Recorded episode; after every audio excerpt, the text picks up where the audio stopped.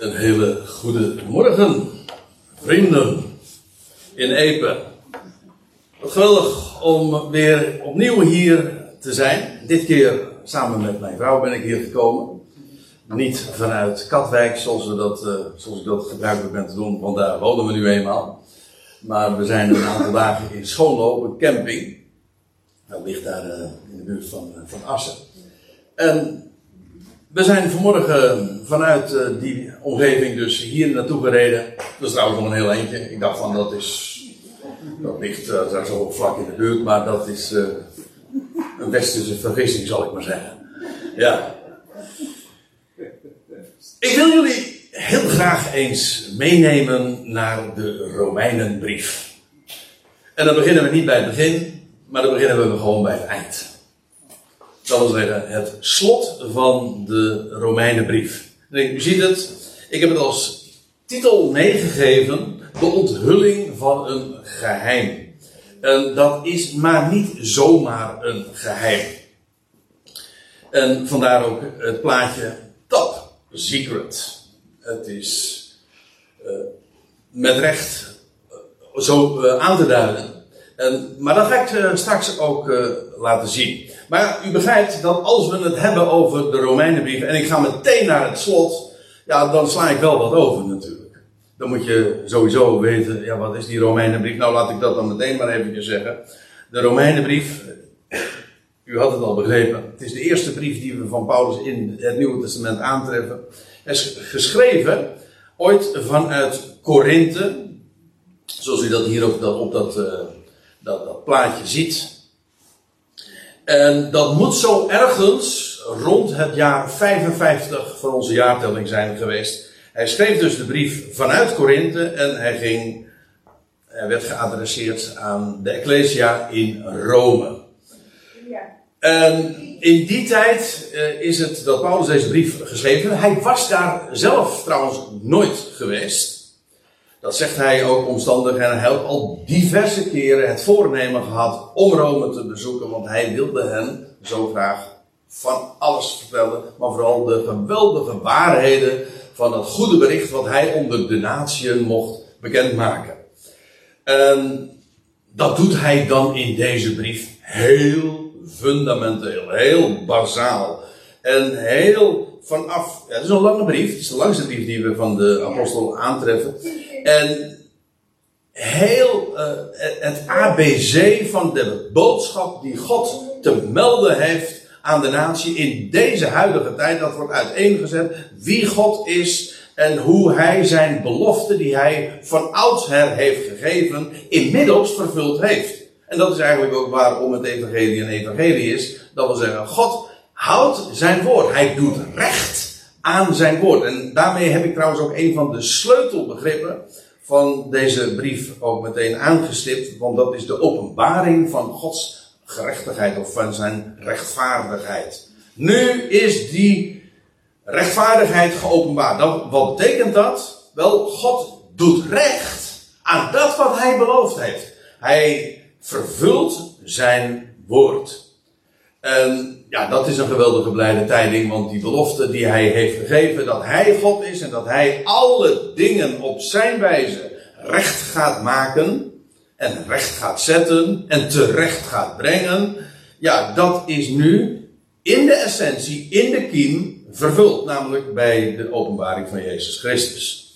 Nou, dat zet hij uiteen. En nog veel meer, ook uh, in bekend zijn de hoofdstukken 9, 10 en 11, waarin hij dieper ingaat op het huidige, ja, een heel typisch kenmerk van de afgelopen 2000 jaar, waarin het evangelie eigenlijk uh, Israël passeert. Israël heeft nee gezegd tegen de Messias, niet alleen maar door hem te kruisigen, maar ook in het boek Handelingen, door het getuigenis van de opgestane Messias te verwerpen. En toen riep God een dertiende apostel de twaalf, die zich richten tot Israël, ja, dat getuigenis, dat uh, werd niet geaccepteerd. En dan brengt Paulus ook naar voren in die hoofdstukken 9 en 10 en 11, dat God nu door hun verwerping nu het heil, de boodschap van redding naar de natie gaat. Hun verwerping, dat is de verzoening van de wereld. Wel, dat is de boodschap die hij uitdraagt. En dat heeft hij, ja, zoals gezegd, in deze 16 hoofdstukken uiteengezet. En dan krijgen we nog tenslotte een toegift. In, vanaf vers 25, 26, 27. En dat is ja, de afsluiting van deze brief. Nou, laten we die gewoon maar eens lezen. En die afsluiting, dat is een lofprijzing. Dat blijkt heel duidelijk aan hem nu, die bij machten is, jullie standvastig te maken. Uh, ik moet erbij zeggen, dit is een lofprijzing. Uh, maar uh, hij gaat hem uh, pas later afmaken. Dus u ziet het heel, heel sterk. Ik wil het ook echt even laten zien.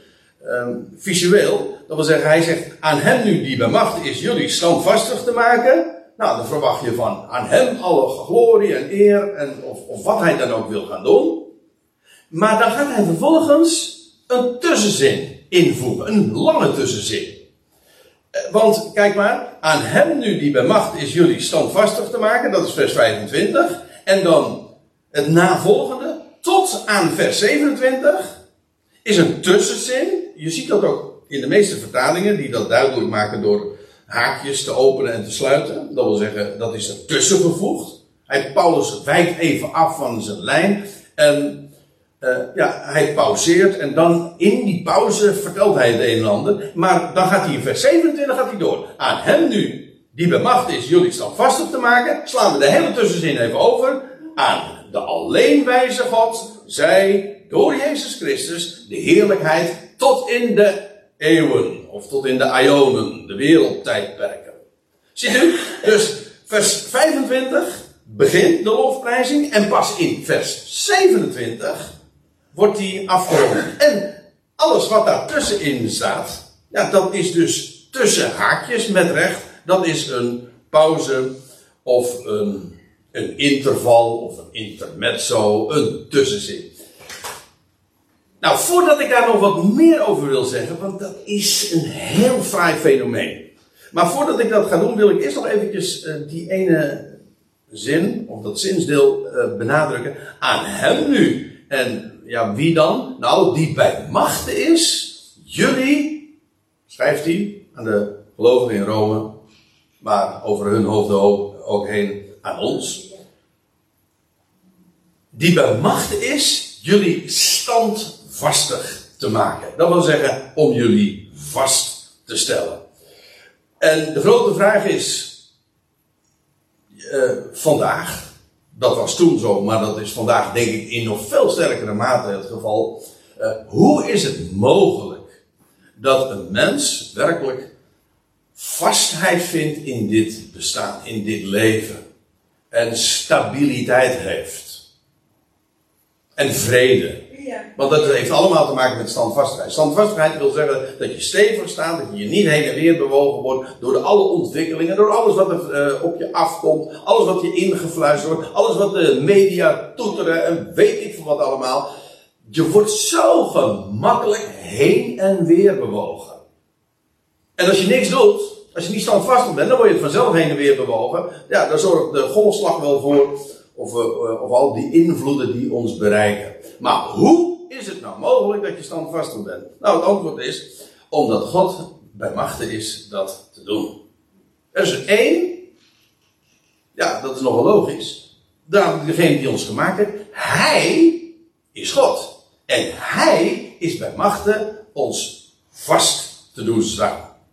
En waarom zegt Paulus dat? Wel, omdat hij nu ook gaat uitleggen hoe God dat doet. Hoe maakt hij ons, tot de tijd de gelovigen in Rome, maar ook nu, die, die tussentijd die toen is begonnen, die loopt nu nog steeds door. Hoe maakt God mensen vandaag standvastig? Wel, dat doet hij volgens, nou, je staat er meteen achteraan, volgens mijn evangelie. U ziet het, dit was de lofprijzing en dan begint die tussenzin waar ik het zojuist over had. Volgens mijn evangelie en de proclamatie van Jezus Christus. U ziet trouwens uh, wellicht dat degene die nu even meelezen zegt: hé, hey, wijk af voor mijn Statenvertaling of voor mijn NBG-vertaling of weet ik welke vertaling ook. Um, dat. Gaat het? Oké. We gaan even verder. De, vol, uh, ja, volgens uh, mijn evangelie. En dit, ik, ik, zei zojuist al, wat Paulus doet is een tussenzin. Nu, die vangt hij hier aan, met, dat wordt dus aangeduid met die haakjes. En dat is ook, zoals dat heet, stilistisch. Het is niet alleen maar een tussenzin omdat Paulus zegt van, ja, ik wil eigenlijk dat ook nog even kwijt. Nee, maar het feit hij dat zo doet, daarmee geeft hij uitdrukking aan de waarheid die hij uitspreekt. Dat noemen ze stilistisch, dat wil zeggen, eh, in de stijl wordt iets, eh, een gedachte tot uitdrukking gebracht. Dus Paulus gebruikt een tussenzin. Waarom? Om de huidige tussentijd, waarin wij nu leven, is een tussentijd, een onderbreking, een pauze. Wel, dat is wat hij in deze tussenzin ook beschrijft. Kijk, waarom een tussentijd? Nou, laat ik het zo zeggen.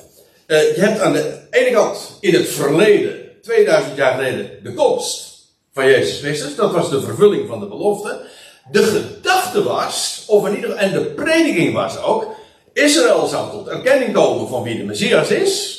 En dan, je leest dat ook in het boek Handelingen, en dan moet je maar eens een keertje, vooral hoofdstuk 3 daarvan lezen, dat aan Israël wordt gepredikt, de Messias. En dan wordt er gezegd van, kom tot bekering. En als jullie als natie tot bekering komen, dan zal de Messias ook terugkeren en dan gaat hij via het volk van Israël heel de wereld zegenen en dan zal het Messiaanse Rijk aanbreken. Dat was de gedachte. De gedachte in het boek Handelingen was altijd, nu in onze dagen gaat het koninkrijk baanbreken en geopenbaard worden in deze wereld. Via Israël.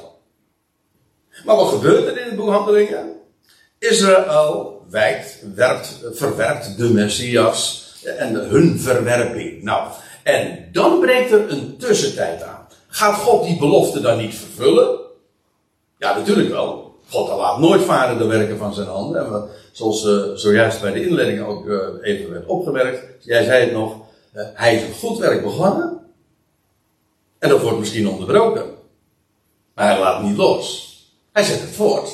Op zijn tijd. En dat geldt hier ook. Dat wat God voornemens was om via Israël te vervullen. Namelijk de, de komst en de openbaring van zijn vrederijk, zijn messiaanse rijk dat gaat vervuld worden. Alleen, er is een pauze ingelast. Dat is trouwens geen foutje of zo. Dat God zegt, oeh, dat is een bedrijfsongeval. Dan moet ik eventjes uh, op plan B overschakelen. We zullen zien. Dat was allemaal gepland. Dat vind ik altijd een geweldige gedachte. Bij God gaat er nooit iets mis. Ik bedoel, nooit iets mis. En zelfs als het fout gaat, gaat er nog niks mis. Ja, die moet je even goed uh, over doordenken. Het is echt waar. Kijk, en in die tussentijd, ja, want dat is de tijd van Israëls verwerping van de Messias. Ja, dan schuift Paulus, uh, God andere apostel, niet een van de twaalf, maar een dertiende. Wij zeggen dan, dat is een ongeluksgetal. Ja, hoela. nee, uh, dat is een omwenteling. 13 heeft altijd te maken met een omwenteling. Uh, dat wisten die mensen in Jericho ook. Hè? Hebben dat wel eens uh, opgemerkt? Hoeveel keren hebben ze om Jericho heen omheen gelopen. En bij de dertiende keer, ja, toen werd de stad Er zijn wel meer mooie voorbeelden van. Maar goed, even terzijde, sorry. en in deze tijd gaat nu niet via Israël heel heil naar de volkeren, maar juist buiten Israël om, roept God een heidense apostel, feitelijk, hè, in het buitenland. Dat is Paulus. Zijn naam betekent, Paulus, heeft ook alles met pauze te maken. Een onderbreking. En nu gaat het evangelie buiten Israël om, naar de natieën. En dat is, ja, dat was onbekend. Dat was altijd onbekend. Altijd was de gedachte, als de Messias komt, dan breekt zijn koninkrijk aan. En vraag het maar eens aan de Jood. Waarom die niet gelooft dat Jezus de Messias is. Dan zal hij zeggen van nou, als hij de Messias zou zijn, dan zou het Messiaanse Rijk zijn aangebroken, want daar lees ik over in de profetieën. Ja, het is niet gebeurd. En dat heeft nou allemaal te maken met deze tijd waarin alles verborgen is, geheim is, bedekt is. Nou, en dat is ook wat Paulus noemt mijn evangelie. Hij noemt dat in, uh, in Galaten 2, vers 7, het evangelie van de voorhuid. Dat wil zeggen, uh, van de voorhuid is een beetje een technische term, maar uh, ja, nou niet al te veel in details te treden. dat staat tegenover de, de, de besnijder. Dus je hebt de besnijderis en je hebt de voorhuid. De mensen die niet bestreden zijn, dat wil zeggen de natieën, dat is Een Paulus' evangelie is heidens. Dat wil zeggen, het heeft niks met de besnijdenis, niks met de rituelen, niets met Jeruzalem, niets met de tempel te maken. Het gaat er helemaal buitenom. En ja, Paulus zegt ook, en dat benadrukt iedere keer, dat is mijn evangelie. Nee, is dat in strijd met de twaalf? Nee, maar hij wist meer. Het was een update om zo te zeggen. Paulus is ook geroepen vanuit de hemel, eh, toen de Heer al lang en breed zeg maar ten hemel was gevaren. En, en de Heer heeft niet alleen hem geroepen, maar hij heeft hem persoonlijk ook onderwezen. En Paulus heeft dat allemaal in zijn brieven naar voren gebracht. En, dat, en Paulus zegt, dat is mijn evangelie. De speciaal aan mij bekendgemaakt en geleerd. Ja, en daarin speelt dus de besnijdenis helemaal geen enkele rol. Mijn evangelie. En dat is de proclamatie, zegt hij ook, van Jezus Christus. En daarmee bedoelt hij ook, dat is de wijze waarop uh, zoals Jezus Christus zich hoogstpersoonlijk aan Paulus heeft geopenbaard hè, vanuit de hemel. En dat is wat hij vervolgens predikt. Mijn evangelie, dat is die boodschap die God, uh, of die Heer Jezus Christus, persoonlijk aan Paulus bekend heeft gemaakt. Nou, hij zegt, volgens mijn evangelie en de proclamatie van, je, van Jezus Christus, en nou komt het. Waarom ik uh, zojuist al wees op dat, dat top secret en op dat geheim. Er staat hier, het is uh, allemaal, het is volgens mijn evangelie, en de proclamatie of de prediking van Jezus Christus. Ja, en dan zegt hij erbij, het is ook volgens of in overeenstemming met de onthulling van een geheim dat Ionische tijden verzwegen is. Ik zei al, dit wijkt wat af van de, eh, de, de gangbare vertalingen. U ziet ook dat uh, onderaan de tekst heb ik zo'n interlineair uh, vermeld. Dat wil zeggen dat het oorspronkelijk, zoals Paulus het optekende, en een woord voor woord weergaven. Zodat we zo precies en zo letterlijk mogelijk bij de tekst komen. Zoals Paulus het ooit genoteerd heeft. We willen weten wat God in zijn woord geopenbaard heeft. Zo dicht als mogelijk daarbij uh, te naderen. Nou, daar is deze vertaling die ik u hier ook geef uh, op gebaseerd. De onthulling van een geheim. Dat, dat uh, verzwegen is. Ja, dat is wat een geheim is. Hè? Dat is iets wat bekend is, maar slechts bij één of meerdere mensen. Het is geheim, het is En hoe lang is het verzwegen? Ionische tijden. Uh, Paulus brengt dit in zijn brieven heel vaak naar voren. Die, dat aan hem een geheim is bekendgemaakt. En dat zegt hij hier, aan het slot van deze Romeinenbrief. Maar uh, laten we het gewoon eens lezen, in Colossense 1. Daar staat, uh, daar schrijft hij uh, over de Ecclesia, de gemeente. Van haar, zegt hij, ben ik, werd ik een dienaar naar het beheer van God dat aan mij gegeven wordt. Om onder jullie het te, te vervullen, het woord van God. En dan zegt hij erbij, het geheim dat verhuld is. En sinds de Ionen, sinds die eeuwen, sinds de wereldtijdperken. En, en vanaf generaties. Maar nu openbaar gemaakt uh, werd aan zijn heiligen. Hier dus ook weer een geheim. En hoe lang is dat verzwegen? Wel, gedurende al die wereldtijdperken en generaties die aan de onze vooraf gegaan zijn. En nu is het niet langer verzwegen, maar bekend gemaakt. En er staat er nog bij, aan hen wil God bekendmaken wat de, wat de rijkdom is van de heerlijkheid van dit geheim. Te midden van de natie. Christus te midden van jullie De hoop van de heerlijkheid. Dat wil zeggen, niet, waar is Christus nu? In Israël? Nee. Nee, nu niet. Straks wel. Straks gaat hij regeren in, in, te midden van Israël. Maar nu is hij te midden op een verborgen wijze onder de natie.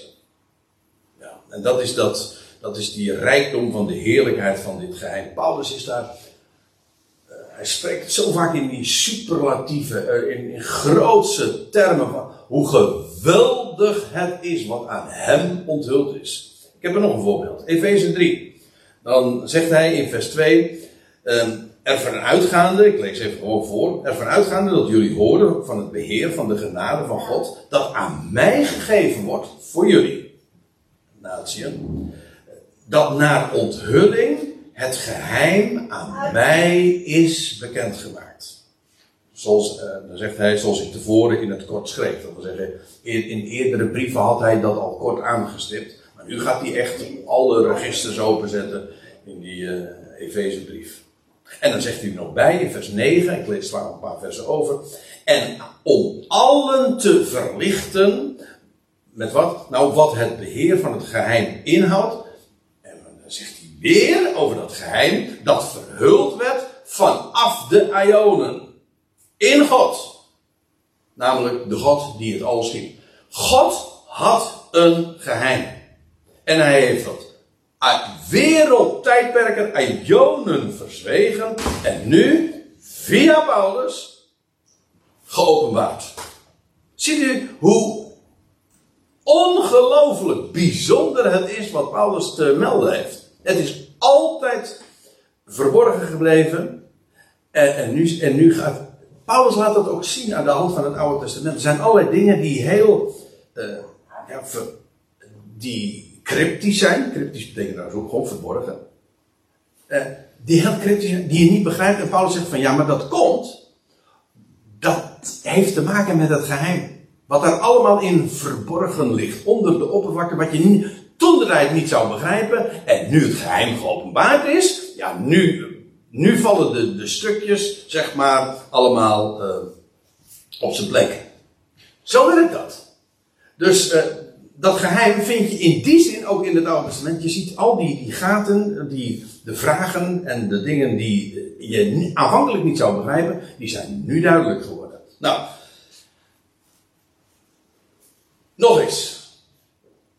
Er is een geheim onthuld. Paulus maakt ook duidelijk uh, hoe lang dat verzwegen is. Uh, maar nu via Paulus dus geopenbaard wordt. Uh, Ionische tijden, dat wil zeggen, het, ik vind dat misschien vreemde term, Ionische tijden. Als u een, um, een staatvertaling hebt, dan staat er de tijden van de eeuwen. En ik meen van in de MBG-vertaling staat er dan eeuwige tijden. Maar ja, het, ja het, het, is een lastig begrip. Waarom? Omdat in onze vertalingen hebben ze van Ion hebben ze een eeuwigheid gemaakt en dat klopt niet. Dat blijkt sowieso al uit de term eeuwige tijden. Want eh, wij zeggen dan van uh, tijd en eeuwigheid. Weet je wel, als een contrast. Als een, en, de, en, de, Bijbel doet dat niet. De Bijbel spreekt ook, je hebt tijden van jaren, en je hebt tijden van dagen, en je hebt ook tijden van eonen, van wereldtijdperken. En die tijdperken hebben een begin en een einde. Vandaar ook dat, dat het woord eeuwigheid gewoon niet klopt. Want een eeuwigheid, daarvan zeggen we toch, dan denken we per definitie aan iets wat geen begin of in ieder geval geen einde heeft. Nee, Ionen hebben juist wel een begin. De Bijbel spreekt over voor de Ionen. En ja, je zou daar. Uh, uh, je zou daar een. Nou, dat, is, dat, is, echt een hele studie apart hoor. Maar over die tijd, die Ionische tijd, je kan er gewoon een kaartje van maken. Heb ik wel eens gedaan. En ik, ik projecteer hem hier ook. De Ionische tijden, die de uitdrukking komen we wel vaker tegen. de, de Bijbel onderscheidt er in ieder geval vijf. Je hebt dan voor de Ionen en je hebt de, en, dan krijg je, ach, ik ga het nu allemaal niet uitduiden, want, maar eh, ik wil uh, maar zeggen, Bijbel spreekt over de, de voorbije, de voorbije Ionen, over de huidige Ion, de huidige Ion die bijna ten einde loopt. Dit, dit wereldtijd loopt bijna op zijn einde. En er zijn nogal wat profetieën die allemaal gaan over het einde van deze eeuw, van dit wereldtijdperk. En dan gaat de toekomende eeuw beginnen. Waarin Christus inderdaad gaat heersen. En dan, maar dat en, dan krijg je de Messiaanse Rijk, de duizend jaren. En daarna krijg je nog, nog een aion die dat weer gaat overtreffen. En uiteindelijk, ja, dan, dan, dan is de voleinding van de Ionen. Dan, zoals de Ionen ooit een begin hebben gehad, zo zullen de Ionen uiteindelijk ook worden voltooid. Al die wereldtijdperken. En dan is heel Gods plan geregeld. Alles is dan vervuld. Nou, dat zijn die Ionische tijden. God, je leest in Efeze 3 ook dat God een plan van Ionen heeft. Een plan van eeuwen. Het voornemen der eeuwen staat er in de MBG-vertaling. Hij heeft een plan en hij werkt dat uit. God heeft de tijd. Sterker nog, hij heeft de tijd gemaakt. De tijden. En hij staat aan het begin. En hij staat aan het einde. En hij heeft een plan. En alles en alles gaat naar zijn voornemen. Er zijn dingen die aanvankelijk onbekend waren. Waarom? Omdat hij ze geheim gehouden heeft. Maar, en als hij eenmaal geheim, uh, het geheim uh, geopenbaard wordt, ja, dan is het, dan worden, worden de dingen duidelijk. Nou ja, in ieder geval, dit geheim waar Paulus het over heeft, Daarvan zegt hij, het is Ionische tijden verzwegen, maar nu, vers 26, maar nu openbaar gemaakt wordt, ook, zegt hij dan ook, uh, door profetische geschriften. Aha, dus dat wat al die wereldtijdperken onbekend was, geheim, verzwegen, daarvan zegt hij, het is nu, wordt het geopenbaard. Hoe dan? Wel, via Paulus. Dat wat hij bekend mocht maken. En, nou, mocht maken, ook moest maken. We zullen dat zien. Nu openbaar gemaakt wordt, eh, ook door profetische geschriften. Dat betekent mondeling en schriftelijk. Hè? Hij heeft het. Hij vertelt dat wat God hem te melden had, heeft hij vervolgens wereldkundig gemaakt. En hij is de apostel van de natie. En hij O werelddelen bezocht hij allemaal om te herauten. Ja, dat wat hem geopenbaard was. Jezus Christus heeft hem geroepen, heeft hem dingen bekendgemaakt wat God nu in deze tussentijd doet. En dat, dat volk wat hij in deze tussentijd ook uitroept, een ecclesia, een uitroepsel, en waar hij het toe bestemd heeft, het lichaam van Christus. Dat zijn allemaal dingen, die vind je niet bij de andere apostelen. Hij Maak deze dingen bekend. Aan hem is het bekend gemaakt. En Paulus zegt, uh, het wordt nu openbaar gemaakt. Ook door profetische geschriften. En tot laatste ben ik heel erg blij mee. En u ook ongetwijfeld. Want stel je voor dat het alleen maar mondeling was gebeurd. En niet vastgelegd was, zwart op wit. Nou hadden we nu anno 2020 nooit, de, hier nooit van geweten. Of 2022, sorry. Ik loop een beetje achter. Maar begrijpt u? Is ook vastgelegd. Paulus heeft genoteerd, natuurlijk. Het was namelijk voor een heel, heel tijdperk, nu al twee millennia, twee dagen van duizend jaar, loopt dit al door. Het loopt trouwens bijna ten einde. Maar wat ik er hier uh, zo geweldig aan vind, is er wordt nu iets geopenbaard. Eigenlijk de afgelopen 2000 jaar. Het staat allemaal gewoon geschreven. Toen de tijd heeft Paulus het wereldkundig gemaakt. En hij is overal heen naartoe gegaan. En toen die vervolgens uh, uiteindelijk geëxecuteerd is. Ja, was, was toen over. Nee, want hij heeft het allemaal nagelaten. Hij heeft het zwart op wit geboekstaafd. En nu hebben we het in de geschriften. Profetische geschriften is het, wordt het allemaal onthuld. En daarom nemen we de kennis van. Want God heeft iets geweldigs te melden via hem. En in die boodschap zouden we worden vastgesteld. Afijn, eh, het wordt nu dus, zegt Paulus, geopenbaard, ook door profetische geschriften. En dan zegt hij erbij, volgens uitdrukkelijk bevel van de Ionische God. Ja. Dus het was maar niet vrijblijvend. Nee, het feit dat Paulus dit nu allemaal uh, bekend maakt. En ook boekstaaft. Dat moest gebeuren. Ja, want God heeft dat zo lang top secret gehouden. Maar nu is het zwijgen doorbroken en nu zou het bekendgemaakt worden. En de aardigheid is dat al roep je het van de daken, het blijft secret. Want bijna geen hond weet het. Nog steeds niet. En trouwens, heel veel gelovigen hebben er ook nauwelijks kaars van gegeten. Het bijzondere wat juist hij heeft mogen bekendmaken. Waarom? Omdat het aan hem ook exclusief was bekendgemaakt. En hij zegt, ja, het is volgens uitdrukkelijk bevel van die Ionische God. Dat is een hele mooie term trouwens, de Ionische God. Ik had het net over Ionische tijden.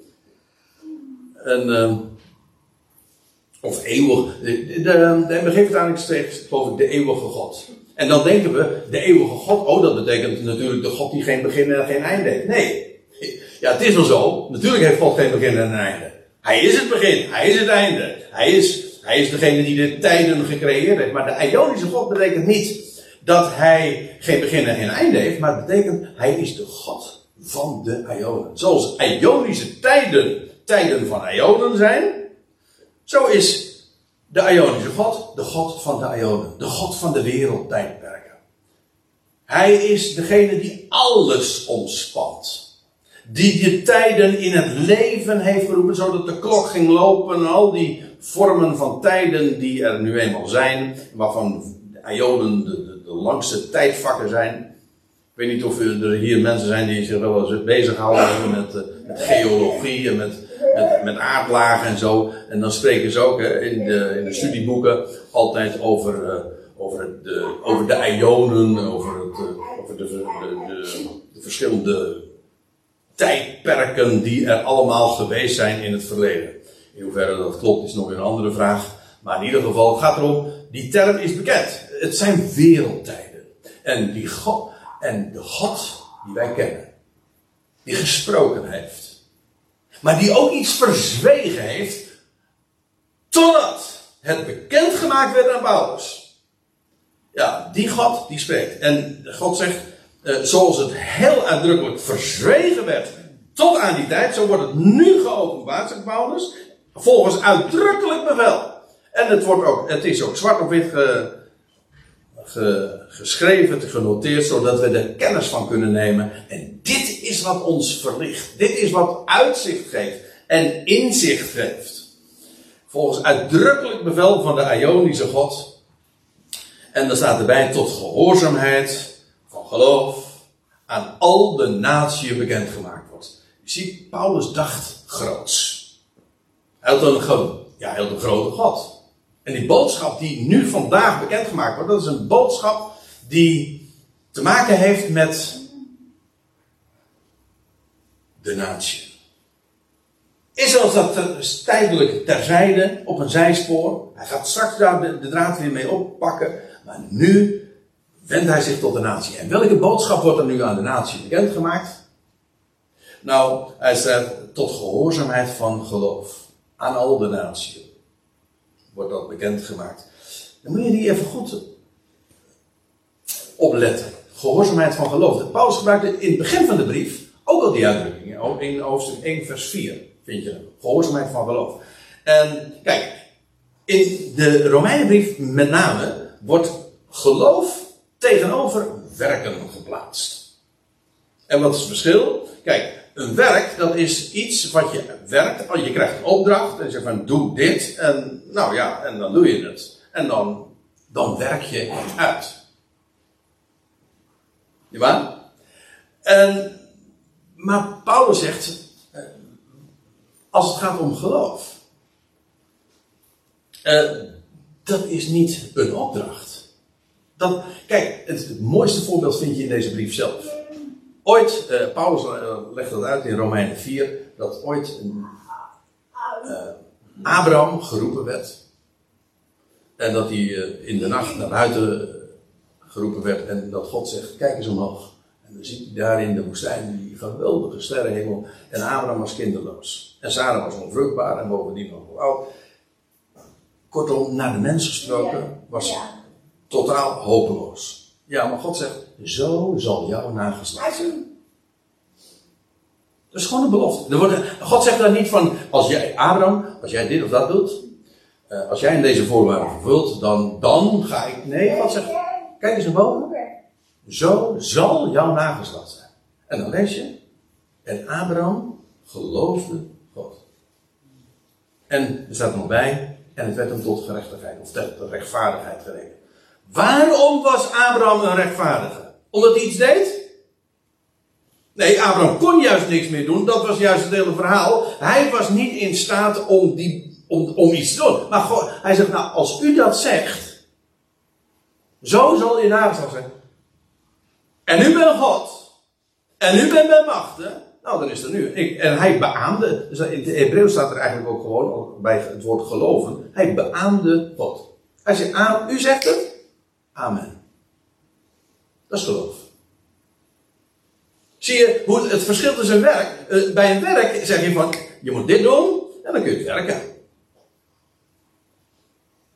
Uitwerken, een opdracht gehoorzaam. Maar gehoorzaamheid van geloof is dat er een mededeling wordt gedaan, of een belofte, zo zal jouw nageslacht zijn. Of wat de boodschap nu van het evangelie is, Jezus Christus is de Heer en de Redder van deze wereld. Dat is geen, dat is geen aanbod, zo van als jij, dat, eh, als jij dat nu accepteert, dan wordt het waar. Nee, dat is een mededeling.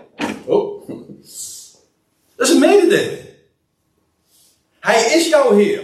Of je het nou gelooft of niet, Hij is jouw Heer. Hij is jouw redder. En Hij gaat dat vervullen. Hoe dan ook. En dan zeg je nee, dat, ik had het net over het volk Israël. Het volk Israël zegt als volk al, al 2000 jaar nee. Ja, maar denk je dat God, dat de menselijke ontrouw, de trouw van God teniet doet? Nee, ja, sorry, als je dat dus denkt, nou, dan ken je het evangelie nog niet. Het evangelie is nu juist de boodschap dat God volledig voorbij gaat aan onze werken en ons geklungel en ons gedoe en onze eigen bedenksels. God zegt, ik doe dat. En ik vervul het en ik ben dit. Ik ben jouw Heer. Dat is een mededeling. Take it or leave it. Of take it or believe it. Zo is het. En dat is wat gehoorzaamheid van, gehoorzaamheid van geloof wil zeggen. Dat je gehoor geeft aan dat wat beloofd is. Amen. Ik kan niks, maar u kan alles. En dat begint trouwens ook geloof, hè. En dan wordt, als je zo trouwens met die oren de wet gaat beluisteren, dan wordt het één grote belofte. Dat is een onderwerp apart, maar ook dat hij alles heeft te maken met, met geloof. Kijk, het oude verbond, dat is de boodschap van, uh, je zult, je zult niet echt breken, je zult niet stelen. En dat was een opdracht en dat moeten wij dan vervullen. En, en dan wat blijkt dan iedere keer, nou voordat de opdracht, eigenlijk voordat de wet het volk bereikt, is, is die wet al gebroken. Ik bedoel het letterlijk eigenlijk. Totdat je gaat verstaan dat wat men altijd al heeft opgevat als een opdracht om te doen, en waar de mens hopeloos in faalt, dat het een belofte is. En dat God zegt, je zult, je zult, niet spreken, je zult mij liefhebben. Met heel je hart, met heel je ziel. Je zult je naaste liefhebben. Dat is helemaal geen opdracht. Je zult mijn getuige zijn. Of tegen Abraham werd gezegd, je zult een vader zijn van vele volkeren. Dat was geen opdracht, dat is een belofte. En Abraham geloofde dat. Kijk, en dat, en dat is geloof. Leven uit geloof, dat wil zeggen, God zegt, ik ga het doen. En wij zeggen, dan kijken omhoog dat doe maar. En u kunt dat. Ik sta erop dat, dat u dat gaat vervullen. En aan God zegt, hij doet dat. Hoe dan ook. En dat is juist waar we in mogen staan en vast mogen staan. Nou, en dat is die gehoorzaamheid van geloof. Dat die mededeling die Paulus doet over de verzoening van deze wereld, dat wordt gerealiseerd. En dat kan niet stuk gaan. Waarom niet? Wel omdat er niks van de mens verwacht en ook niet gevraagd wordt. God zegt, ik ga dat doen. Dit ben ik. Dit is mijn plan. En dan ga ik, ga ik uitwerken. En er zijn mensen die dat geloven.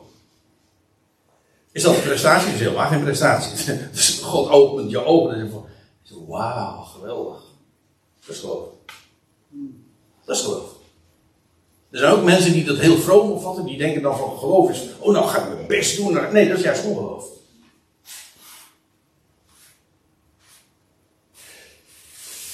Dat geloof, dat wordt nu bekendgemaakt, zegt Paulus aan al de naties.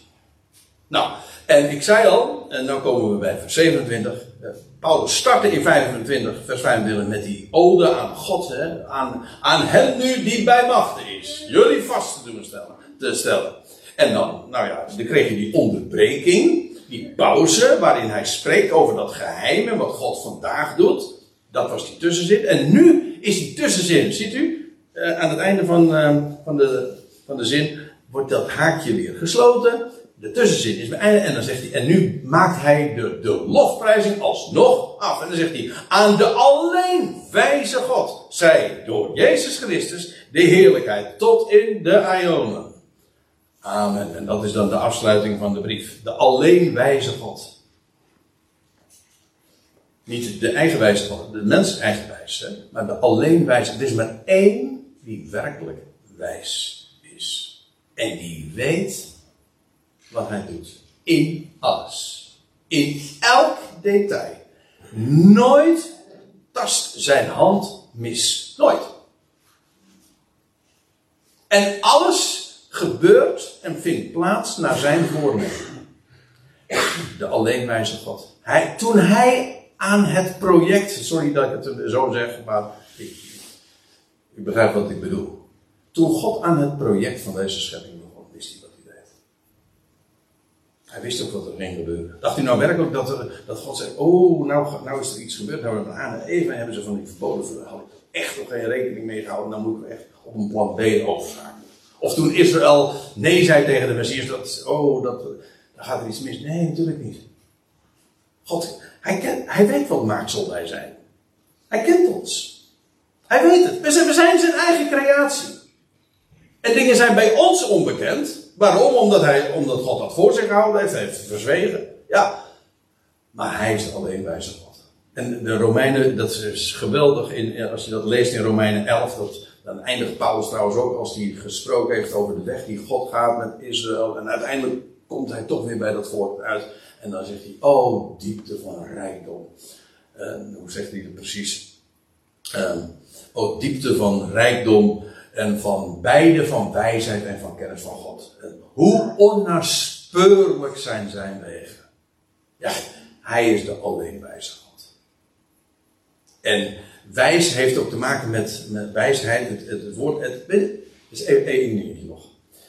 Eh, dat wil ik graag uh, bij deze ook even vertellen. Het woord wijsheid in het Grieks, dat is, u kent het wellicht, Sophia.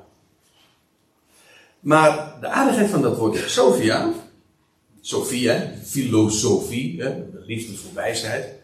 Maar dat woord Sophia, is ook een stad die zo heet, dat betekent gewoon wijsheid dus. Maar uh, dat woord Sophia, dat is afgeleid van een Hebreeuws woord, Sophie. Dat is een meervoud en dat betekent uitkijktorens. En het idee is, als je daarover doordenkt, Wijsheid heeft te maken met uitzicht. Dat je op een verhoog, op dat je op de hoogte bent, letterlijk. En dat je overzicht hebt. Dat is, kijk, kennis heeft te maken met dat je dingen weet hoe het allemaal in elkaar zit. Maar wijsheid heeft te maken dat je de samenhang ziet. Dat je het geheel overziet. Dat kan alleen maar als je op de hoogte gesteld, als je op een uitkijktoren staat. En dan heb je niet alleen maar overzicht, maar je hebt ook geweldig uitzicht. Hij is de alleen wijze God. Hij heeft overzicht. Hij weet wat hij doet. Hij staat aan het begin, hij staat aan het einde. En hij heeft een geweldig plan. Zo adembenemend, waar niets en niemand buiten valt. Want wij zijn allemaal, elk mens, elke creatie, werk van zijn handen. En dat laat hij nooit varen. En dat is het geweldige. Hij maakt alle dingen wel. Dat is evangelie. En wat moet ik daarvoor doen? Niets. Daar kan je er helemaal niks aan doen. Je kan er niks aan toedoen. Je kan er ook trouwens helemaal niks van afdoen. En prijs God dat dat zo is. Geloof het. Sta daarop. He? Op die boodschap. Dat evangelie wat Paulus onder de natie bekend mocht maken. Als je wil weten hoe, wat Gods wil vandaag is. Voor, dan moet je bij Paulus wezen. Heel de schrift is voor ons en neem er kennis van, maar hij is onze leermeester. Nou, aan de alleenwijze God, zij door Jezus Christus, want zo gaat het altijd. Hè? God, is één God, zegt Paulus. En er is één middelaar van God en mensen. De mens, Christus, Jezus. Ja. Dus eh, we richten ons in gebed tot God. En dat, de weg, hoe, hoe komen we tot God? Wel, door Jezus Christus. Zoals God trouwens ook door hem tot ons komt. Vandaar dat hij de middelaar is. Aan de alleenwijze God zij door Jezus Christus de heerlijkheid tot in de Ionen. Dat wil zeggen, er liggen wereldtijdperken aan de huidige uh, zijn er vooraf gegaan, maar er volgen ook nog geweldige wereldtijdperken waarin Christus zal heersen.